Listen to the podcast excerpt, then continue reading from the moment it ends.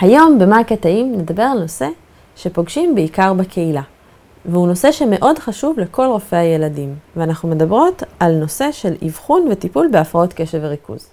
רק נגיד שבהכנת הפרק נעזרנו בדוקטור ניצה ועדס, רופאת ילדים המתמחה בנוסף באבחון וטיפול בהפרעות קשב וריכוז, ובהזדמנות זו אנחנו רוצות להגיד לה הרבה מאוד תודה. ברוכים הבאים לפודקאסט מה הקטעים, הפודקאסט על כל מה שרציתם לדעת ברפואת ילדים, ותכלס התפתחתם לשאול. אז טל, למה בכלל חשוב לדבר על הפרעות קשב? אז כמו שאמרת, באמת, אנחנו כרופאי ילדים נתקלים בזה לא מעט, אה, בעיקר במתן הפניות לאבחון, או הפניות למבחנים נלווים, בקשה להקלות במבחנים, וכמובן חידוש תרופות. מצד שני, אנחנו לא רוצים להיות חותמת גומי, ואנחנו רוצים להבין מה אנחנו עושים, ולהבין מה עומד מאחורי התרופות השונות, ההבחנה והטיפול. אם ככה, בואו נתחיל מההתחלה. מה זה בכלל ADHD? אז ADHD זה ראשי תיבות של attention deficit hyperactivity disorder. Uh, בעברית, לאחרונה, תשמחי לדעת ששינו את השם להפרעת קשב ופעלתנות יתר, ולא הפרעת קשב וריכוז, כמו שאנחנו בדרך כלל קוראים לזה. Okay. Uh, בנוסף, בשנים האחרונות uh, שינו, שינו גם את החלוקה, וכבר למעשה לא מחלקים את זה לשתי קבוצות נפרדות של attention deficit disorder, ADD ו-ADHD בנפרד, אלא הכל תחת אותה כותרת של attention deficit hyperactivity disorder. נזכור קצת את ההיסטוריה, אז כבר ב-1902 אמ, תוארה לראשונה ההפרעה, והטיפול בסטימולנטים, בתכשירים מעוררים, פורסם לראשונה ב-1937. וואו, ממש מזמן. בהחלט. לאורך השנים היו הרבה מאוד תיאוריות באשר למנגנונים והסיבות וכל הפתופיזיולוגיה, אנחנו לא ניכנס לזה בפרק הזה, אנחנו רק נגיד שהם מסכמים את זה כבעיה נוירו-התפתחותית. היא בדרך כלל באה לידי ביטוי בתסמינים של חוסר קשב, היפראקטיביות ואימפולסיביות. אה, והיא בעיקר באה לידי ביטוי בהפרעה לתפקוד. אה, זה יכול להיות תפקודים קוגניטיביים, אקדמיים, התנהגותיים, רגשיים, חברתיים, ובשנים האחרונות מדברים גם הרבה על השפעה על התפקודים הניהוליים, ה-executive functions. שמה השכיחות של התופעה? זה מאוד תלוי איפה בודקים. היום מקובל להגיד שהשכיחות היא סביב 10%, אבל יש מקומות אה, מסוימים שבהם מציינים אפילו עד 15% מהאוכלוסייה. אנחנו יודעים להגיד שהתופעה נפוצה יותר בבנים, בעיקר, וזה בולט הרבה יותר, בתת הסוג המאופיין בהיפראקטיביות ואימפולסיביות, אבל בהחלט יש גם בנות, אה, וחשוב לא לפספס ולאבחן גם אותן. עכשיו, יש את הדיבור הזה על זה שהפרעות קשב עולות בשנים האחרונות, אז באמת יש עלייה בשכיחות? בהחלט כן. אה, אנחנו יודעים להגיד שבסוף שנות ה-90 דיברו על בערך 6% מהאוכלוסייה, ועכשיו אמרתי שזה עד 10, אפילו עד 15%. יכול להיות שזה נובע מעלייה בתדירות אה, האבחונים והגברת המודעות לבעיה, אנחנו יודעים שזה מאוד מאוד תלוי חברה והתייחסות. למשל, תת הסוג שלא מאופיין בהיפראקטיביות ובאימפולסיביות, זה ילדים שהם שקטים יותר, והרבה פעמים חשבו שהם פשוט עצלנים או טיפשים, אה, ולכן אפילו לא חשבו לקחת אותם לאבחון, וגם הם צריכים אה, טיפול והתייחסות, לא פחות. טוב, אבל זה קצת מצחיק להגיד, כי אנחנו חיים היום בעולם שיש בו הרבה יותר גירויים, הרבה יותר הסחות דעת, ואני חייבת להגיד שגם אני לפעמים מרגישה שיש לי הפרעת קשב, אז אולי זה קצת לא פייר להגיד שיש יותר אנשים עם הפרעת קשב, פשוט כולנו יותר מוסכים. בוודאי, זה ברור שזה חלק מהעניין. פעם אה, היה לנו כל פעם רק משימה אחת להתרכז בה, והיום העולם הוא בקצב הרבה יותר מהיר ואנחנו צריכים לעשות הכל במקביל. ויש לנו הרבה הרבה יותר אה, גירויים, אנחנו ממש מוצפים בהסחות דעת כל הזמן. ובגלל זה אנחנו באמת זקוקים לרמה הרבה יותר גבוהה של קשב על מנת לתפקד. אה, אנחנו לא צופים שהעולם ישתנה, ומאחר שזאת הציפייה מכולנו, באמת הפרעות הקשב נוכחות הרבה יותר.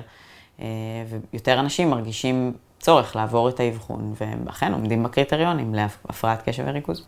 אז רק נגיד עוד משהו בקשר לאפידמיולוגיה. צריך לזכור שילדים עם ADHD יש קומורבידות של תופעות נוספות. הפרעות התנהגות וקונדקט, Oppositional Defiant Disorder, כמובן שדיכאון, חרדה, אה, ליקויי לימודים, DCD, אוטיזם, טיקים, הפרעות שינה ועוד. אם ככה, הגדרנו את התופעה, ומי בעצם מאבחן הפרעת קשב? אז מתחת לגיל 6 אה, יכולים לאבחן מומחה בנוירולוגיה ילדים או פסיכיאטריה של הילד והמתבגר. מעל גיל 6, גם כן נוירולוגים, פסיכיאטרים של ילדים או רופא ילדים ומשפחה. שעברו הכשרה מסודרת ויש להם תעודה המאפשרת לעסוק באבחון וטיפול בהפרעת קשב וריכוז. רופאי ילדים אה, ראשונים רשאים לעדכן את הטיפול, להנפיק מרשמים, בהתאם להנחיות של המומחים שעשו את ההבחנה. אבל שינוי בתרופה, שינוי במינון ומעקב לאורך השנים צריך להתבצע על ידי הרופא שמלווה את הילד ועשה את ההבחנה מלכתחילה. חשוב מאוד לציין, כי התרופות שאנחנו נדבר עליהן בהמשך, הן רשומות תחת פקודת התרופות הנרקוטיות, ויש מעקב קפדני על ההנפקה שלהן. וטוב שכך. ואיך מתבצע האבחון? אז במעמד האבחון אה, לרוב אה, ההורים התבקשו להביא שאלונים, שאלונים שהם ממלאים על הילד, ושאלונים שהמורה או מורה ימלאו על הילד, שאלונים נפרדים. אה, כדאי להביא גם עוד אבחונים נוספים, נדבר על זה קצת בהמשך, וכמובן כל מידע רפואי נוסף שיש על הילד. אז נכון שהמטרה של הפודקאסט זה לא להכשיר אותנו לאבחן ADHD, אבל חשוב להבין, נכון שההבחנה היא קלינית. כן, ההבחנה היא קלינית, היא מבוססת על קריטריונים שנמצאים ב-DSM, ויש לנו בעצם שני סטים של קריטריונים, אחד לחוסר קשב, והשני להיפראקטיביות ואימפולסיביות. Uh, כדי לקבל את ההבחנה, צריך לעמוד בשישה מתוך תשעה מהקריטריונים לחוסר קשב, ואו שישה מתוך תשעה מהקריטריונים להיפראקטיביות ואימפולסיביות, שבילדים יותר גדולים ובמתבגרים מספיק חמישה. חשוב אבל להסביר שאי אפשר לצבור קריטריונים מכל אחת מהקבוצות. כלומר, אם יש לי שלושה קריטריונים מחוסר קשב וארבעה קריטריונים מהיפראקטיביות, זה לא נותן לי את ההבחנה. צריך לפחות שישה באחת מהקבוצות. אנחנו לא נעבור על קריטריון קריטריון, אבל אולי ככה תוכלי לתת לנו דוגמאות לחוסר קשב ודוגמאות לפעלתנות יתר? אז למשל בחוסר קשב אנחנו נתאר את הילד, למשל כלעיתים קרובות נראה שאינו מקשיב כשמדברים איתו, או קושי בארגון פעילויות או מטלות. ובפעלתנות יתר או אימפולסיביות אנחנו נגיד שהוא מתנהג כאילו הוא מונע על ידי מנוע, או קופץ ועונה לשאלות לפני שסיימו לשאול אותן. זה חלק ממש מהשאלות בתוך השאלונים שנשאל ההורה ונשאלים המורים. כן, גם, כן. עוד חשוב אה, להגיד שבנוסף לקריטריונים האלה צריך לוודא שהבעיה, התופעה קיימת ביותר ממסגרת אחת, למשל בית ספר ובבית או במסגרות חברתיות אחרות, שזה החל לפני גיל 12, שזה נמשך מעל שישה חודשים, שיש בה משום ההפרעה לתפקוד, אה, ושהיא לא תואמת את השלב ההתפתחותי של הילד. למשל, ילד בן ארבע שנכנס לחדר של המאבחן ומתחיל אה, לגעת בכל החפצים, זה סך הכל סביר. לעומת זאת, ילד בן עשר שעושה את זה, זה מן הסתם לא תואם. וכמובן שאין הפרעה נפשית או הפרעה אה, פיזיולוגית גופנית אחרת. אמ, במהלך האבחון עצמו, הרופא כמובן מתרשם מהילד, הוא מדבר איתו, משוחח איתו, מתרשם מההתנהגות שלו. כמובן אה, משלימים בדיקה גופנית, בדיקה נוירולוגית, לוודא שאין איזה שהן אבחנות אחרות, ולוקחים היסטוריה משפחתית ורפואית, גם בהקשר של ADHD וגם בהקשר של מחלות אחרות. ויש צורך בעוד בדיקות, איזה שהן בדיקות עזר, נגיד בדיקות דם? בגדול לא. אמ, אם אנחנו חושבים שיש איזשהו גורם אחר, למשל הפרעה בבעלותת התריס או איזשהו חסר תזונתי משמעותי, אז כדאי לשלול את זה על ידי בדיקת דם. וככה משהו שעולה לי משאלות אה, שלב א' באופן מעומעם, אז משהו קרדיאלי, נכון? לפעמים צריך לעשות אק"ג או אקו לב, עושים את זה באופן רוטיני? לא, אז לא באופן רוטיני, רק אם לילד יש איזה שהן תלונות קרדיאליות, למשל הוא מתלונן על פלפיטציות או על דופק לא סדיר, או אם יש איזושהי היסטוריה משפחתית רלוונטית, קרדיאלית או איזשהו מוות פתאומי בגיל צעיר. ואז אנחנו כן נשלים אה, הערכה לבבית על ידי קרדיולוג. עכשיו, אמרת מקודם שכדאי להביא עוד אבחונים אה, רלוונטיים, אז אה, מה הכוונה? אז יש כל מיני סוגים של אבחונים שאפשר לעשות. האבחון ככה הכי נפוץ, ששומעים עליו הכי הרבה, זה מה שנקרא אבחון פסיכודידקטי. זה אבחון שנערך בדרך כלל או במכונים שהם בהסדר עם הקופה או באופן פרטי על ידי פסיכולוג או מאבחן מוסמך. ובעצם זה לוקח בחשבון אספקטים גם רגשיים, פסיכולוגיים וגם דידקטיים. אז שפה, כתיבה, קריאה, ובהתאם לגיל אה, והצורך, אז גם חשבון ואנגלית. בנוסף, זה גם יכול לעשות הערכה של קשב חזותי וקשב שמיעתי. אה, זה נותן הערכה, הערכה אה, של לקויות למידה, דיסגרפיה, דיסלקציה, שזה חשוב מאוד לדעת את זה, כי לפעמים זה יכול גם לבוא ביחד עם ADHD, כמו שאמרנו קודם, כקומורבידיות, אבל זה גם יכול... אה, למסך, או לגרום לנו לחשוב שלילד יש הפרעת קשב, אבל בעצם הוא פשוט לא כל כך יודע לקרוא, ולכן חשוב לאבחן את זה אה, בנוסף. האבחון הזה הוא, הוא לא נותן את ההבחנה, הוא כן יכול לסייע, הוא כן יכול לתת לנו כיוון אה, ולראות את הקשיים של הילד, אבל זה לא נותן הבחנה של ADHD. וזה הזמן גם להתייחס לתופעה שאנחנו בתור רופאי קהילה רואים הרבה, ש... מגיעים אלינו ההורים והם אומרים שהמורה ביקשה להפנות אותם למבחן מוקסו או טובה. אז כמובן שזה קודם כל דבר מעט מרגיז, אבל בואו נדבר רגע על המבחנים האלה. מה זה מבחני מוקסו וטובה? בעצם מדובר במבחנים ממוחשבים. אה, זו איזושהי מטלה ממוחשבת, מאוד רפטטיבית, נערכת במשך 22 דקות. מבחן המוקסו מוסיף על המטלה הזאת גם איזה שהן הסחות דעת נלוות. בעצם אמור לדמות את החיים עצמם, שבהם יש הסחות דעת. ואחרי השלמת המשימה בפעם הראשונה, היא מבוצעת בפעם השנייה תחת השפעת ריטלין. בתור אה, הרופאים אנחנו הרבה פעמים נצטרך אה, לרשום אה, למטופל כדור בודד של ריטלין בהתאם למשקל שלו, לצורך המבחן הזה. התוצאות של המבחן הזה בעצם נותנות לנו איזשהו מדד לקשב, ואיך הוא נשמר לאורך זמן ולאורך ביצוע המטרה, וכמובן מידת השיפור אחרי הטיפול התרופתי. כמו שאמרתי, זה לא מחליף את האבחון, זה איזשהו כלי עזר אה, לרופאים המאבחנים, כשהאבחנה היא לא חד משמעית. ומה זה אומר שהאבחנה היא לא חד משמעית? אז שאלה מצוינת. אה, מתי האבחנה לא תהיה חד משמעית? כשיש דיסקרפנס גדול בין השאלונים השונים, למשל שאלון הורה לשאלון מורה, או שהילד אה, מראה איזושהי התנהגות שלא תואמת את השאלונים במעמד האבחון. ואז בעצם הרופא המאבחן צריך כלים נוספים כדי לקבל את האבחנה. כי באמת אנחנו לפעמים אה, יכולים לראות מצב כזה שילד נגיד רע לו מאוד בבית ספר, ואז הוא כביכול אה, לא מקשיב בשיעורים ומתפרע, נכון? ובבית הוא בכלל לא כזה. זה אופציה אחת. אופציה שנייה זה שגם ההורים קצת אה, חושבים שאין בעיה ו- ומנסים לייפות את התמונה, זה גם יכול לקרות, אבל כן, בהחלט יכול להיות דיסקרפנס גדול בין ההתנהגות בבית, אפילו ילד שבבית הוא כזה מאוד לא ממושמע ושובר את כל הכלים, וההורים מתרשמים שכן יש משהו, ודווקא בכיתה הוא יושב יפה ולומד ונחמד וחמוד ומתנהג יפה. אז זה יכול להיות לכל הכיוונים. בכל מקרה, מי שממליץ על המבחן ונותן את ההפניה למבחן, זה הרופא המאבחן, לא המורה בכיתה אה, ולא ההורים, ובאמת רק הוא, אם הוא מתרשם שיש צורך. עד עכשיו דיברנו על האבחון, ובואו נעבור לדבר על הטיפול, ובואו נדבר דווקא לא מטיפול תרופתי. הרבה פעמים מורים אומרים, אוקיי, אם יש הבחנה של הפרעת קשב, אולי בכל זאת ננסה לתת איזשהו טיפול אחר. בהחלט יש דברים שאפשר לעשות, ולא כל הילדים ישר מתחילים מטיפול תרופתי. אה, זה תלוי כמובן ברמה ובהפרעה לתפקוד. כמה דברים שאפשר לעשות, אז קודם כל לקחת בחשבון ולהבין שלילדים שסובלים מהפרעות קשב וריכוז, יש גם הרבה תסכול והרבה קושי נפשי ורגשי, הרבה פעמים גם ממש חרדה ודיכאון, אה, גם סביב ההבחנה וגם באמת פשוט מהקושי שיש להם עם המשפחה, עם המורים אה, בבית, בבית הספר או עם החברים, אה, והרבה פעמים באמת טיפול רגשי או נפשי או איזושהי תמיכה או סיוע בתחומים האלה יכול מאוד לעזור. זה כמובן תלוי ביכולת וברצון של הילד והמשפחה. אבל ככה משהו ספציפי לתחום של ADHD זה טיפולים מסוג קוגפן, או Cognitive Functional Intervention. זה איזושהי טכניקה שפותחה באוניברסיטה העברית, אמ, זה מתבצע על ידי אה, מרפאות בעיסוק, ובעצם מדובר בכלים די פרקטיים, די, די מעשיים, אה, שנוגעים לתחום הארגון, ההתאפקות, ההתנהלות, ומה שדיברנו קודם, התפקודים הניהוליים, ה-executive functions. זה מתאים לילדים עד גיל 12. יש עוד כל מיני טכניקות אה, באותו סגנון. הבעיה עם רוב הדברים האלה שהם מדובר במסגרות פרטיות, טיפולים פרטיים, ויש מעט מאוד החזרים מהקופות, אז גם זה תלוי ביכולת וברצון של הילד והמשפחה. דיברנו מספיק, בואו נגיע לתכלס, הטיפול התרופתי. אז מה זה בכלל התרופות האלה, או מה זה ריטלין?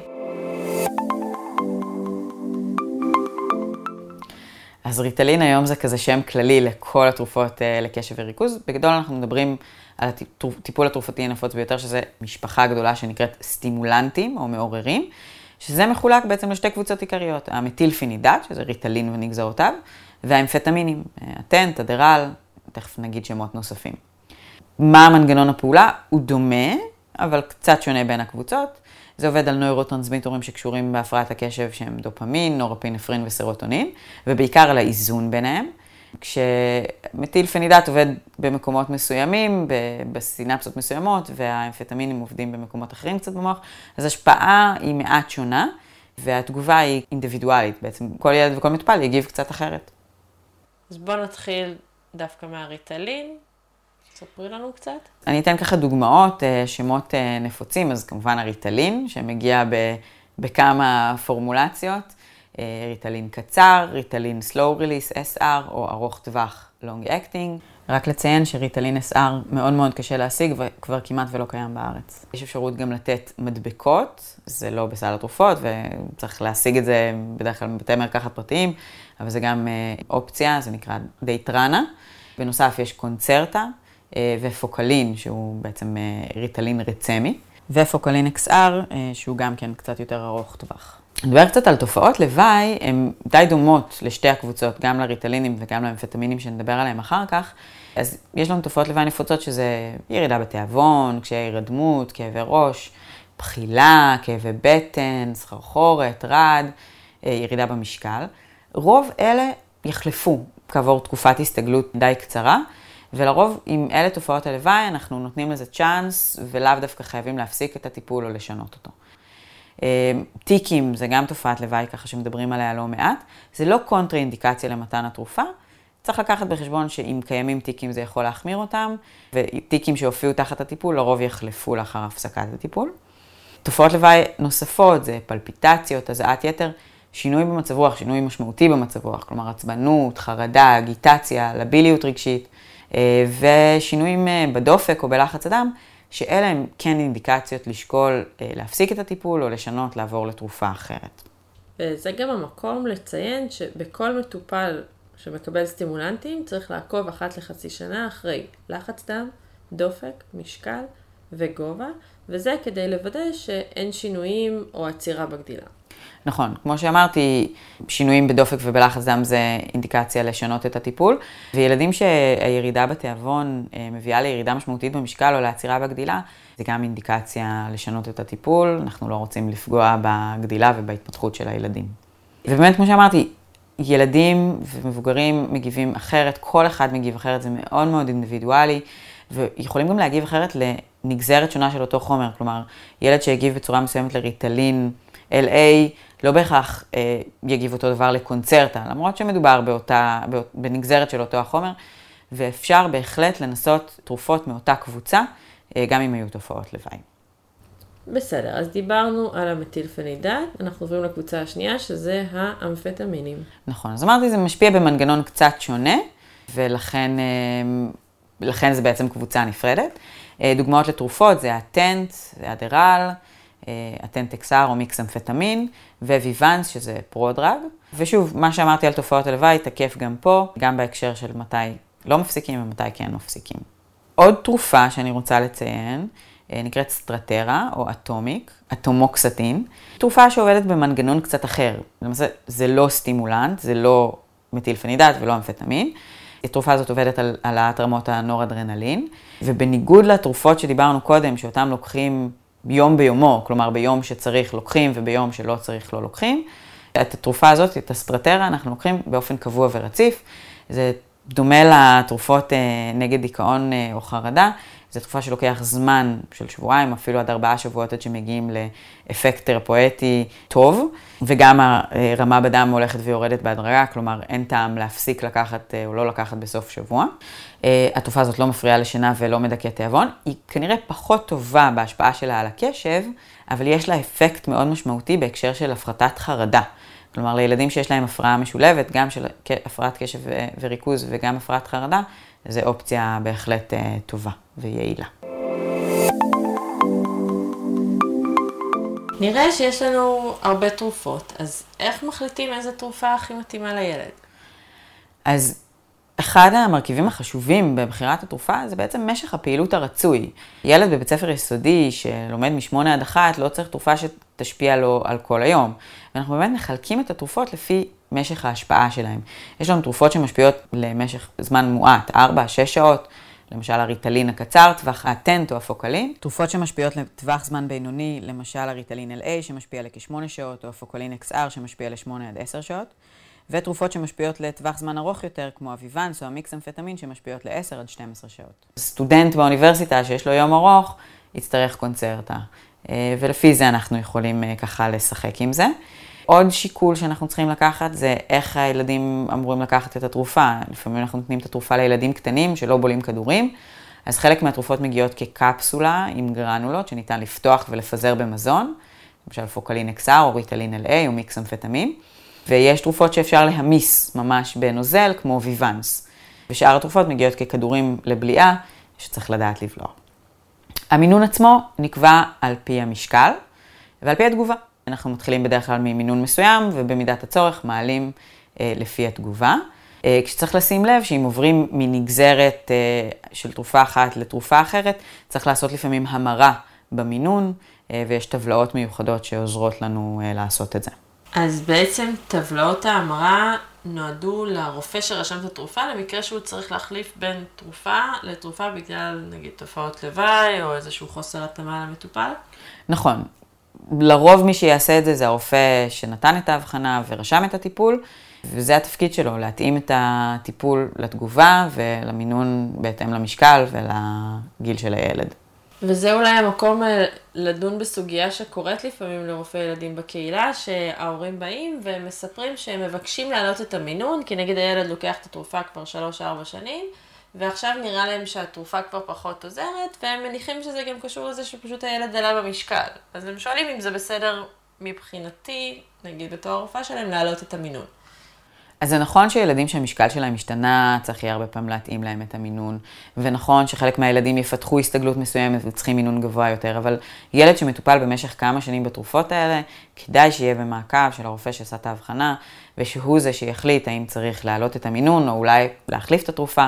ובמקרה הזה הייתי מחזירה אותם לרופא שעשה את ההבחנה, יחליטו ביחד איך ממשיכים מכאן. כמו שאמרנו קודם, ילדים שמאוד יורדים במשקל, או שלא עולים במשקל, או עוצרים את הגדילה, זה אינדיקציה בהחלט להפסיק או לשנות את הטיפול, וצריך להסב את תשומת ליבם ולהפנות אותם חזרה לרופא המטפל אה, שעוקב אחריהם אה, בהקשר של ההפרעת קשב וריכוז. ככלל, חשוב לזכור שצריך להיות במעקב אחת לשנה אצל הרופא המאבחן ולהיות איתו ככה בקשר ולעדכן אותו על כל השינויים. ואומנם שאלה קצת בירוקרטית, אבל uh, כל התרופות uh, מסובסדות בסל. אז שאלה מצוינת. זה קצת תלוי קופה מבחינת סל התרופות. יש קופות שמספקות את התרופות כקו ראשון, קו שני, קו שלישי, וחייבים לעבור ולהוכיח כישלון על תרופה ממשפחה כזו או אחרת. בקופות מסוימות כבר ניתן להתחיל היום גם עם מטילפינידט וגם מאמפטמינים כקו ראשון. מבחינת המימון, לא כל התרופות ממומנות. חלק במינון מלא, חלק מינון חלקי בלבד, וחלק רק אה, מימון אה, מהביטוח המשלים. אה, זה בהחלט משהו שצריך לקחת בחשבון, כי לפעמים יש משפחות שבהן יש כמה ילדים שמקבלים תרופות להפרעות קשב, וזו יכולה להיות תוצאה מאוד מאוד מאוד כבדה, בעיקר אם זה טיפולים ארוכים לאורך כל שנת הלימודים, ויכול להיות compliance מאוד ירוד, למשפחה פשוט לא יהיה כסף לקנות את התרופות, וצריך לקחת את זה בחשבון. דיברת מקודם על אה, קו ראשון, קו שני, קו שלישי, אז באמת יש איזושהי המלצה להתחיל ממתילפנידטים לעומת להתחיל מאמפטמינים? אז כמו שאמרתי, זה קצת תלוי קופה, יש קופות שידרשו להתחיל דווקא ממתילפנידט ורק אחר כך לעבור לאמפטמינים. היום בארצות הברית גם כבר קצת פחות מתייחסים לזה. מצד שני, יש כן מחקרים שאומרים שבילדים מומלץ להתחיל ממטילפנידט, ובעוד שהם מבוגרים יותר או מתבגרים, כדאי להתחיל דווקא מאמפטמינים. שוב, לשיקול הרופא שעשה את ההבחנה. ותגידי, כמה אנחנו רואים abuse של התרופות האלה? אנשים לא באמת צריכים לקחת והם בכל זאת מבקשים אותן?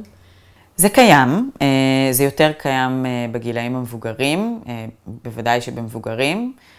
סטודנטים באוניברסיטה, שלא אחת עשויים לסחור בתרופות. זה גם משמש כסמי רחוב, קצת גם בתיכונים אנחנו רואים את זה. בילדים צעירים אנחנו פחות רואים שימוש recreational, אבל כן יש ילדים שלוקחים, מספרים שלקחו מחבר כדור ואומרים שזה עזר להם. זה כמובן לא מחליף אבחון מסודר, וגם אם זה עזר לילד באופן חד פעמי, אה, זה לא אומר שיש לו הפרעת קשב ושהוא באמת צריך את הטיפול. אה, בגלל זה צריך תמיד להקפיד על אבחון, כמו שדיברנו קודם. אה, כמו שאמרתי גם קודם, התרופות עצמן רשומות בפקודת התרופות הנרקוטיות, ולכן יש בקרה על הרישום ועל הניפוק של התרופות, וצריך לקחת את זה בחשבון. אוקיי. Okay. אז עד כאן הפרק על הפרעות קשב. כיסינו כאן נושא חשוב ולא מספיק מדובר, ואני בטוחה שבפעם הבאה אני לא אתייחס לילד שמגיע למרפאה שלי רק בתור עוד מרשם לריטלין, ואני אקדיש לו קצת יותר מחשבה ותשומת לב. תודה טל שהבאת את הנושא הזה לפודקאסט. בשמחה רבה. האזנתם לעוד פרק של מה הקטעים. את הסאונד ערך שי ברמלי. תודה לכל הרופאים והמתמחים שמשתתפים איתנו בפודקאסט, ואם גם לכם יש שאלות שעד כה התביישתם לשאול או כל הערה אחרת, חפשו אותנו בפייסבוק. מה הקטעים? תכתבו לנו, ואל תשכחו לעשות לנו לייק. ועד הפעם הבאה, תמשיכו לשאול ולהתקדח.